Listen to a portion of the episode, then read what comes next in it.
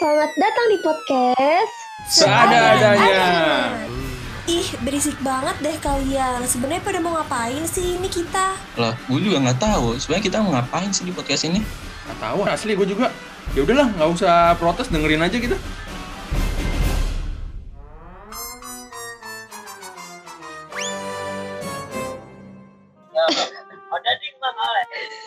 Kenapa lu ketawa-tawa gitu? Nonton apa sih, Sam? Ih, masa nggak tahu sih Ham? Ini tuh nonton Oleh yang viral sama Odadingnya itu loh. Kan odading makanan ya, kenapa jadi viral ketawa-ketawa sih? Ih, Mang Olehnya tuh lucu, itu viral banget. Masa kudet sih Ham? Hello. Asli aja gue nggak tahu loh kalau odading sekarang jadi lucu. Ih, bukan Odadingnya yang lucu, Mang Olehnya yang lucu. Iya, iya, gue belum lihat videonya. Mumpung lo belum tahu juga nih video viral bulan ini, mungkin teman-teman juga belum ada yang tahu nih atau mungkin ada yang sama nih kayak si Ilham, Kudet. Mendingan kita lihat aja bareng-bareng langsung videonya. Cikidat. Odading Mang Oleh. Hmm, rasanya seperti Anda menjadi Iron Man. Yaps, itu adalah sedikit cuplikan video yang belakangan ini viral banget nih di media sosial. Di mana di dalam video tersebut memperlihatkan seorang pria Sunda yang bernama Ade Londok.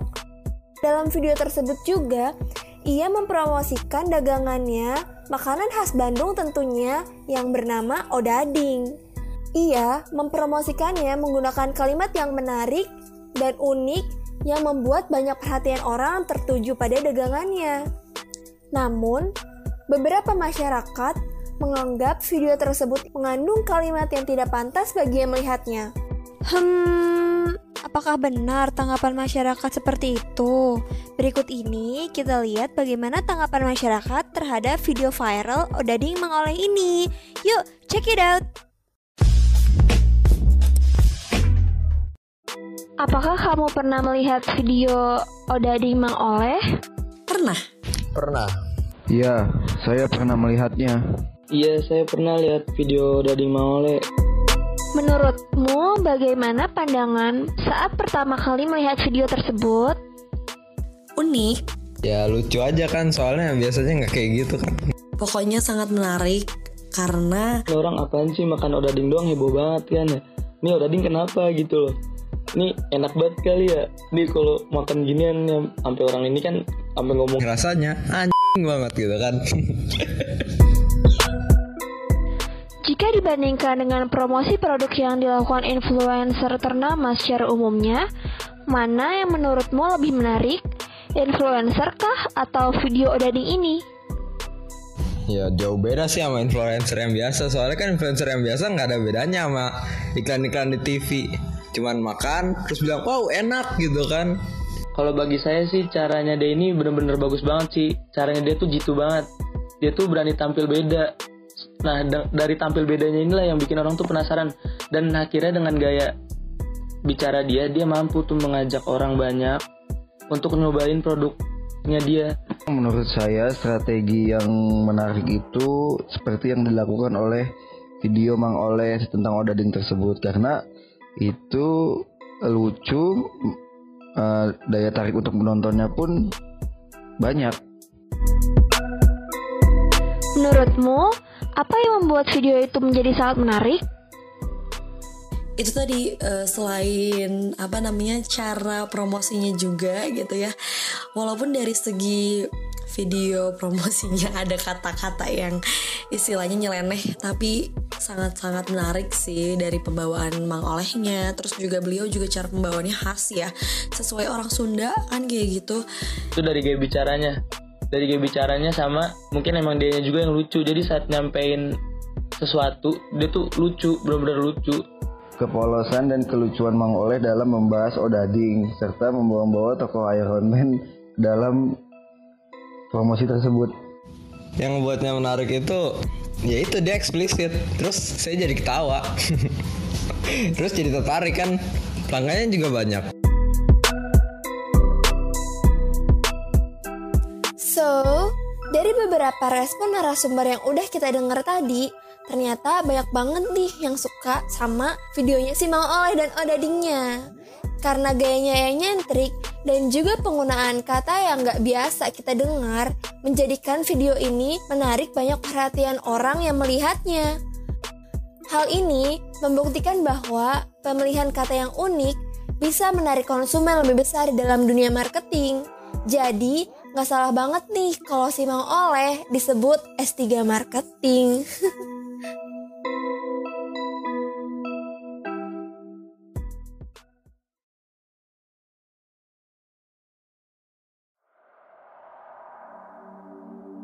Siapkan earphone, siapkan cemilan, dan pastikan kamu tidak sendirian. Karena kita akan membuat malammu menjadi lebih istimewa.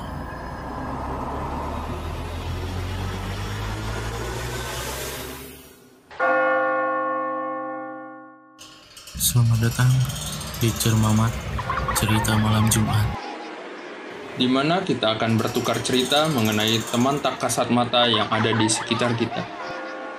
Karena pada dasarnya kita hidup berdampingan tanpa sekat dengan mereka yang tak terlihat. Selamat mendengarkan. Halo, selamat malam dan selamat datang di Cermamat episode 1 bersama gue Givari dan juga temen gue. Ya, gue Ilham. Nah, di episode pertama Cermamat ini mungkin kita awali dulu dengan perkenalan kali ya. Jadi di Cermamat ini sebenarnya kita mau ngapain sih? Nah, betul banget, Gip. Jadi di segmen Cermamat ini, kita akan ngebahas cerita-cerita atau pengalaman mistis yang mengenai satu tempat atau satu kejadian yang pernah dialami oleh teman-teman Cermamat yang sudah bersedia untuk membagikan ceritanya kepada kita.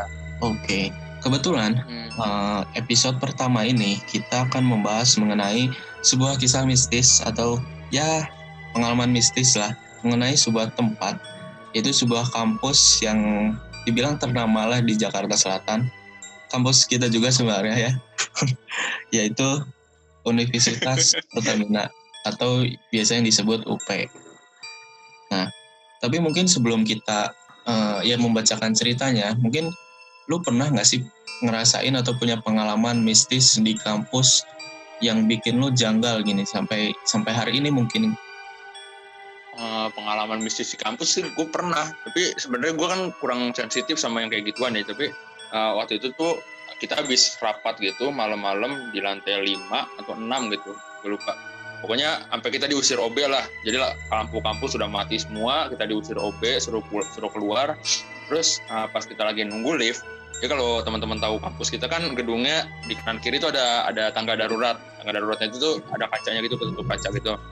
Nah itu tuh di situ waktu kita nunggu lift ada salah satu teman kita yang uh, sensitif agak sensitif sama hal-hal kayak gitu. Jadi dia tuh kaku ngeliatin ke arah tangga darurat uh, dan karena kita tahu dia sensitif akhirnya kan kita cuman kayak uh, udah jangan ke sana lagi gitu. Dan kita apa berharap banget lah ini liftnya uh, cepat masuk gitu. Tapi habis itu udah sih nggak ada apa-apa lagi karena kita juga nggak sempat lihat itu tuh ada apa gitu nggak ada yang berani ngeliat ke sana. Cuman uh, teman kita ini yang sensitif ini sempat kaku aja gitu.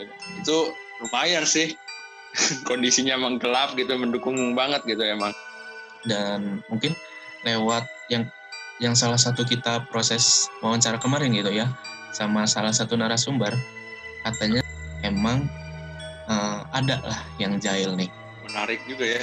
Tapi uh, gak cuman itu nih karena uh, tadi Gipar udah sempat nyinggung bahwa sebelumnya kita sempat melakukan wawancara dengan salah satu mahasiswa Universitas Pertamina yang uh, memiliki rasa sensitif yang cukup tinggi sama hal kayak ginian gitu. Tapi uh, mahasiswa ini minta untuk disamarkan namanya gitu. Nah ini berikut adalah penggalan cerita-ceritanya.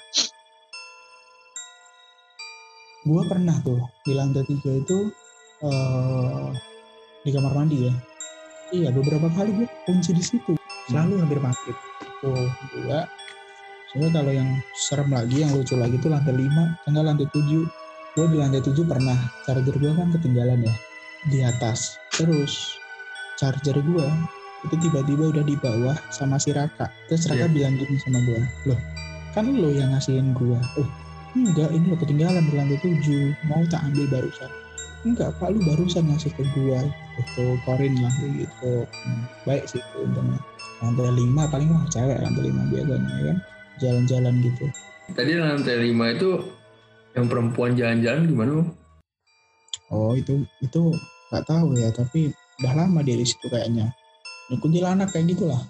Pernah nggak sih bang kayak coba interaksi gitu? Gak maksudnya interaksi lebih jauh gitu. Kayak dia ingin nyampein, eh jangan berisik di sini atau ada hal-hal yang nggak boleh dilakuin gitu. Nah itu lantai lima itu kan aku sering buat pacaran. Ya, mungkin itu sehingga jangan yang senonoh di situ. Tapi emang iseng sih. Yang lantai lima itu Oh. iseng. Beneran deh yang di GL itu iseng semua. Oh, gue pernah waktu pop up juga. Satpam yang kurus tahu nggak? Oh, oh ya. ha. gue masuk nih dari eh, depan gor mau masuk ke dalam eh, GL seingat gua di depan gua itu satpam itu tadi udah di depan gua terus dia naik lift. Nggak lama dia itu datang dari belakang gua. Liftnya bunyi loh ting gitu bunyi naik dia. Padahal dia di belakang gua ngetok gua. Nggak tahu yang asli yang mana. Tuh sih itu yang paling ketara sama gua di situ.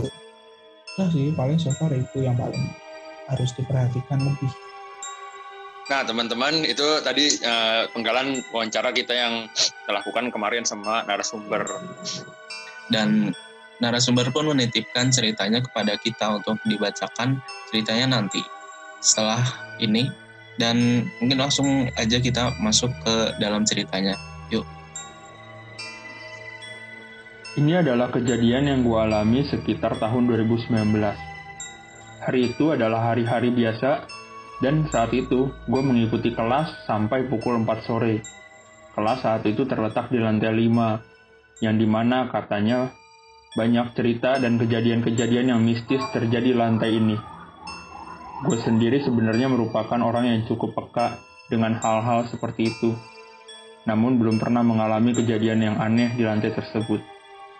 Kembali ke cerita, setelah kelas selesai, gue pun memutuskan untuk mengerjakan tugas terlebih dahulu di selasar lorong. Saat jam menunjukkan pukul 6 sore dan berkumandang azan maghrib, gue memutuskan untuk berhenti mengerjakan tugas, kemudian eh, sholat di musola yang terletak di lantai 6. Entah mengapa, saat itu lantai 5 sangat sepi dan tidak ada orang. Bahkan OB yang biasanya membereskan kelas di sore hari pun, nggak satu pun gue lihat. Saat gue sedang membereskan barang, gue merasakan ada bayangan yang melintas di depan gue. Dan gue masih berpikir, mungkin ada orang yang melewati gue barusan. Namun menyadari lorong yang ternyata masih kosong, rasa janggal pada diri gue mulai muncul akan bayangan tadi. Cuma gue gak mau ambil pusing dulu akan hal tersebut. Ketika gue berjalan menuju tangga yang berada di sebelah lift, dari ujung mata kanan gue terlihat sepintas sebuah sosok putih yang sangat tinggi, hampir setinggi atap. Gue yang penasaran kemudian memutuskan untuk berbalik dan melihat apakah yang gue lihat itu cuma salah lihat atau gimana. Saat gue berbalik dan melihat kembali, sosok itu semakin jelas terlihat oleh mata gue, yaitu sosok perempuan tinggi dengan wajah tanpa ekspresi, tidak menunjukkan senyum ataupun marah. Sosok itu dikenal dengan nama kuntilanak.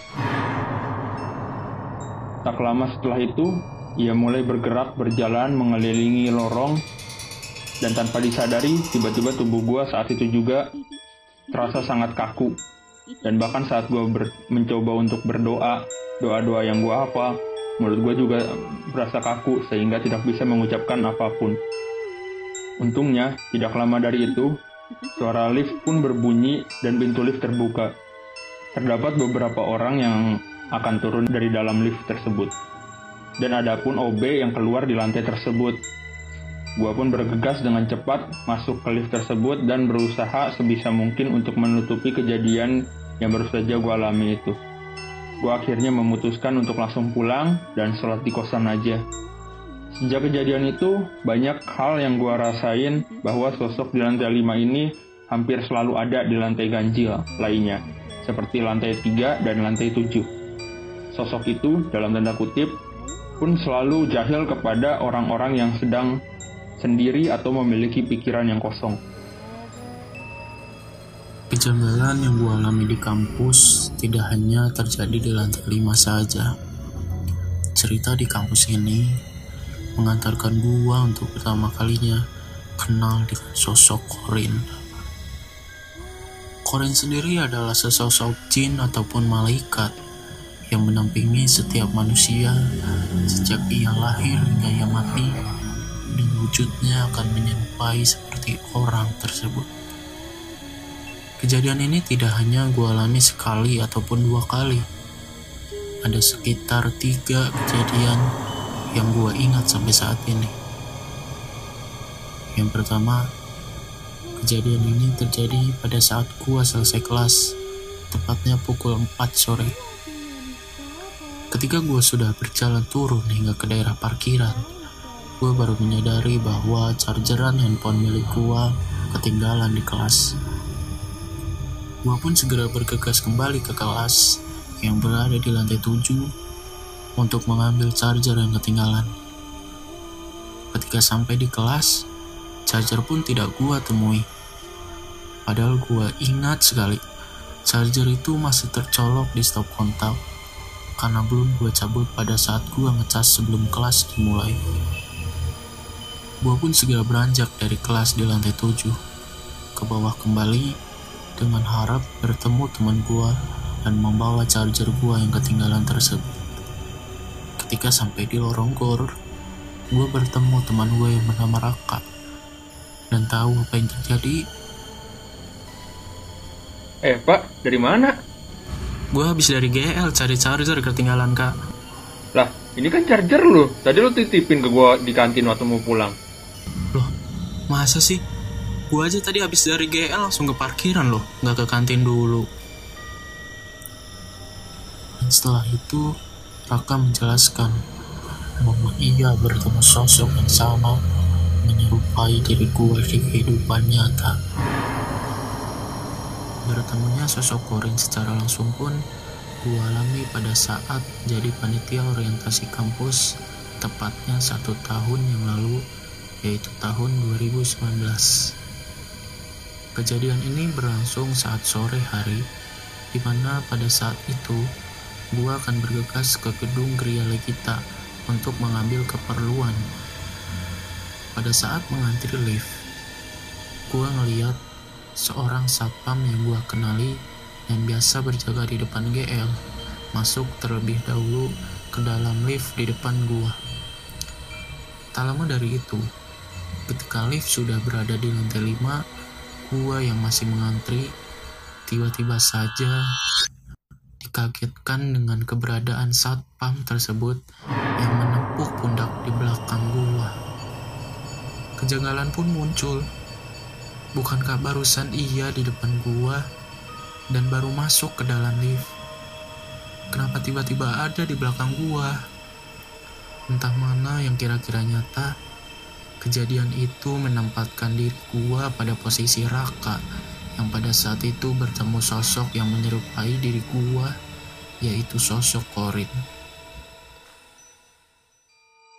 Ya, itulah cerita yang sudah kita kumpulkan dari narasumber dan sudah juga kita bacakan kepada teman-teman semua dan perlu teman-teman ketahui bahwa kita di sini tidak bermaksud untuk menakut-nakuti teman-teman semua akan suatu tempat ataupun kejadian karena kita di sini hanya ingin mengingatkan kita itu hidup berdampingan tanpa sekat bersama mereka yang tak terlihat. Maka dari itu kita harus menghargai keberadaan mereka, menghargai kehidupan mereka, dan juga kita harus menghormati nilai-nilai yang ada pada suatu tempat tertentu. Seperti yang sudah disampaikan oleh narasumber sebelumnya bahwa terutama di kampus UP ini ada hal-hal yang tidak boleh dilakukan ataupun nilai-nilai yang harus diperhatikan sama uh, teman-teman yaitu kita tidak boleh melakukan hal, hal yang senonoh ataupun tindakan-tindakan tercela lainnya maka dari itu kita harus menghormati setiap tempat yang ada agar tidak terjadi hal-hal yang kita tidak inginkan akhir kata dari kita berdua, gue Givari dan juga teman gue. Ya, gue Ilham. Terima kasih karena sudah mendengarkan dan sampai berjumpa di episode-episode selanjutnya. Selamat malam.